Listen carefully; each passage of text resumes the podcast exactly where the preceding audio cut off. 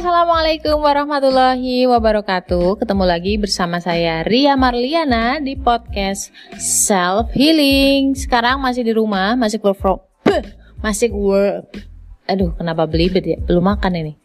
Masih work from home buat kamu-kamu yang mungkin udah bersiap-siap untuk new normal, berangkat kembali bekerja. Kita tunggu dulu pengumuman dari HRD kita tercinta. Dan anyway, kali ini saya akan ngebahas tentang toxic relationship dan ini terinspirasi dari lagu Lati, bukan Lati ya, tapi Lati itu dari bahasa Jawa, uh, artinya lidah kalau nggak salah. Dan pas nonton, pas dengerin pertama kali, aku pikir, wah keren nih lagu nih, uh, musik-musik EDM gitu kan, electric digital. Apa sih electric digital music ya? Gue gak ngerti. Pokoknya Kupikir itu bukan dari Indonesia, ternyata begitu ada musik-musik Jawanya, gending Jawa gitu. Wah, aku terus wah keren nih, epic nih gitu. So aku cari tahu soal lagu ini, soal liriknya, soal penyanyinya. Itu semuanya Indonesia, karya anak bangsa by the way. Itu bagus banget dari video klip, konsep video klipnya, pengambilan gambar, itu buatku sih juara. Ya walaupun nggak bisa dibilang sempurna atau masih banyak diperbaiki emang namanya namanya manusia nggak akan pernah ada yang 100% sempurna guys. So ini dia sekarang aku telurkan salah satu buah karya podcast aku tentang toxic relationship. Kenapa wanita yang terjebak di toxic relationship tidak bisa lepas dari uh, tidak bisa lepas dari laki-laki yang justru menyakitinya. So guys, jangan ke mana-mana, tetap follow podcast aku di Self Healing dan juga follow juga Instagram aku di Ria Marliana 87 atau karakter cinta Goldar. So stay tune.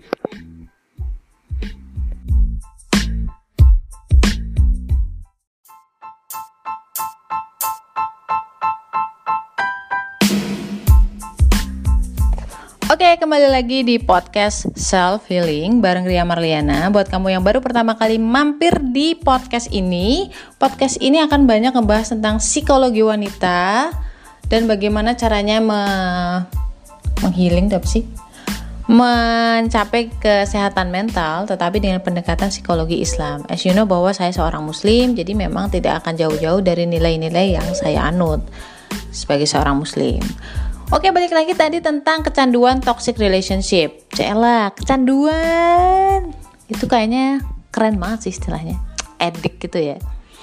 So banyak banget orang yang tidak bisa meninggalkan kecanduannya di toxic relationship, kecanduan rokok, yang pokoknya yang namanya kecanduan itu susah deh, kecanduan kopi, kecanduan coklat.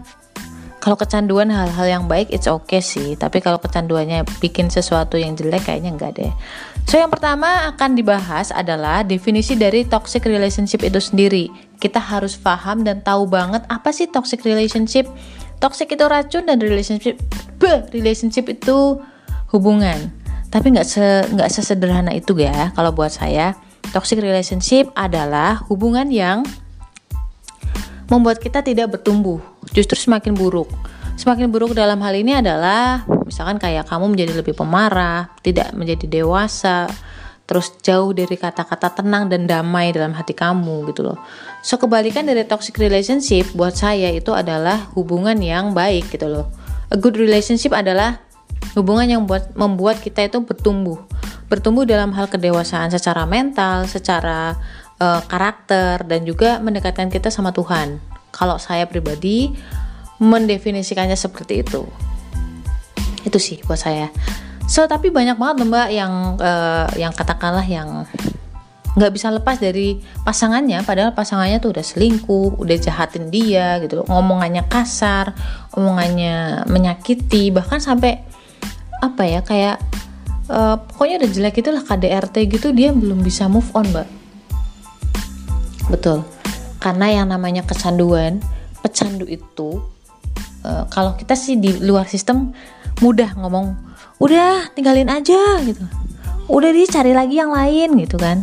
Nah nggak semudah itu ternyata kalau misalkan jadi pecandu. Ya nggak? Pernah nggak jadi pecandu? Kalau saya pernah saya pecandu kopi ini susah banget nyari yang lain. Jadi pecandu itu malah ngomong pecandu. Oke kenapa ada banyak wanita yang tidak bisa move on atau move up dari kondisinya yang sekarang atau kecanduannya itu itu ada beberapa penyebab.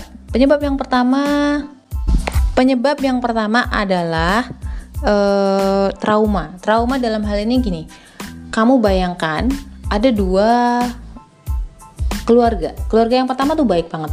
Dia punya pembantu namanya A. Sedangkan keluarga B itu jahat dia kejem sama pembantunya. Pembantunya namanya B. Terus anehnya justru A ini yang berinisiatif untuk mencari pekerjaan di tempat lain gitu. Dia udah mulai cari-cari gitu. Sedangkan B yang harusnya harusnya ya secara logis harusnya kan dia ya yang nyari kerjaan lagi atau nyari majikan yang lebih baik gitu loh. Tapi enggak. Pas dicari tahu kenapa gitu pertama yang A itu merasa bahwa semua orang di dunia ini di luar di luar sana itu orangnya sebaik keluarga atau maj keluarga majikannya yang sekarang jadi dia berani aja. Namanya manusia kan tetap jenuh pengen pengen cari su suasana baru. Dan dia merasa bahwa di luar sana masih banyak kok orang yang baik gitu. Makanya dia nggak takut untuk melangkah gitu loh. Sedangkan yang kedua si B tadi yang majikannya jahat itu dia tidak berani karena dia trauma trauma di sini dia menganggap bahwa semua orang di dunia ini semua majikan semua bos akan tetap bersikap hal yang sama sama-sama jahat seperti keluarganya atau majikannya si B tadi So dari sini ketahuan ya bahwa trauma itu sudah sangat dalam. Makanya kenapa banyak wanita yang tidak berani untuk move on karena merasa bahwa ah semua laki-laki sama aja gitu loh. Berawal dari situ. Berasal dari trauma itu dia tidak mau mencari yang baru. Oke. Okay?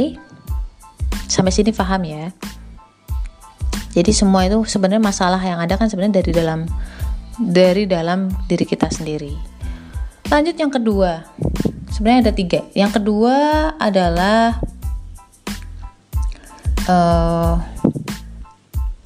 dia merasa bergantung bergantung sama laki-lakinya gitu loh. Entah dari segi uh, dari segi apa ya namanya? Nafkah. Pokoknya suaminya tuh membuat si wanita ini merasa bergantung sama dia apa pun itu. Entah dari segi nafkah lahir nafkah batin uh, karena di awal-awal itu si laki-laki udah bikin wanitanya terbang gitu loh. Jadi kayak aduh nggak ada orang nggak ada laki-laki yang akan seperti ini sama gue gitu nggak ada laki-laki sesempurna ini gitu awalnya gitu itu sampai tertanam di alam bawah sadar mereka loh dan kemudian yang ketiga adalah minder jadi wanita ini minder, dia merasa tidak pantas mendapatkan laki-laki baik di luar sana. Dia merasa dia itu jelek, dia itu uh, tua, dia itu kusem, dia itu gendut.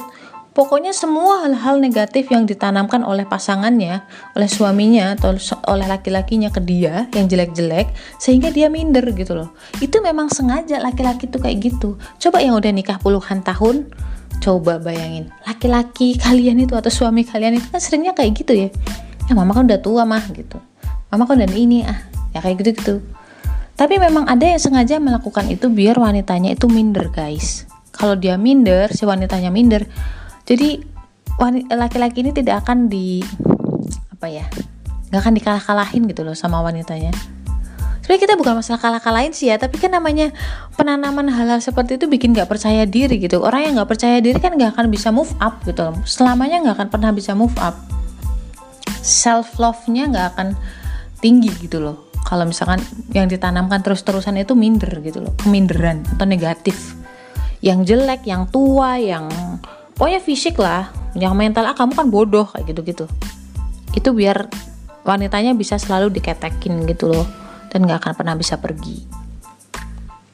Kayak zaman penjajahan sih ya, betul, betul banget. Dan akhirnya Indian akibatnya bahwa self love-nya wanita ini menjadi sangat kecil. Self love itu apa sih guys? Self love itu adalah kecintaan kamu atau penghargaan kamu terhadap diri kamu sendiri. Dan ini yang uh, diserang sebenarnya. Kalau udah kayak gitu, wah, aduh, berat. Nyembuhinnya tuh berat. Dan akan butuh waktu lama. ya maklum namanya kecanduan gitu. Nggak mungkin sehari dua hari terus sembuh. Oke guys bentar dulu. Aku potong dulu jangan ke mana-mana. Setelah ini aku akan kasih tahu kasih tips caranya gimana biar self love kita lebih besar dan bisa move on dari toxic relationship. So stay tune di podcast self healing ini. Jangan lupa juga follow instagram aku di Ria Marliana 87 dan juga karakter cinta Goldar di situ banyak uh, tips-tips tentang karakter berdasarkan golongan darah. So, stay tune ya.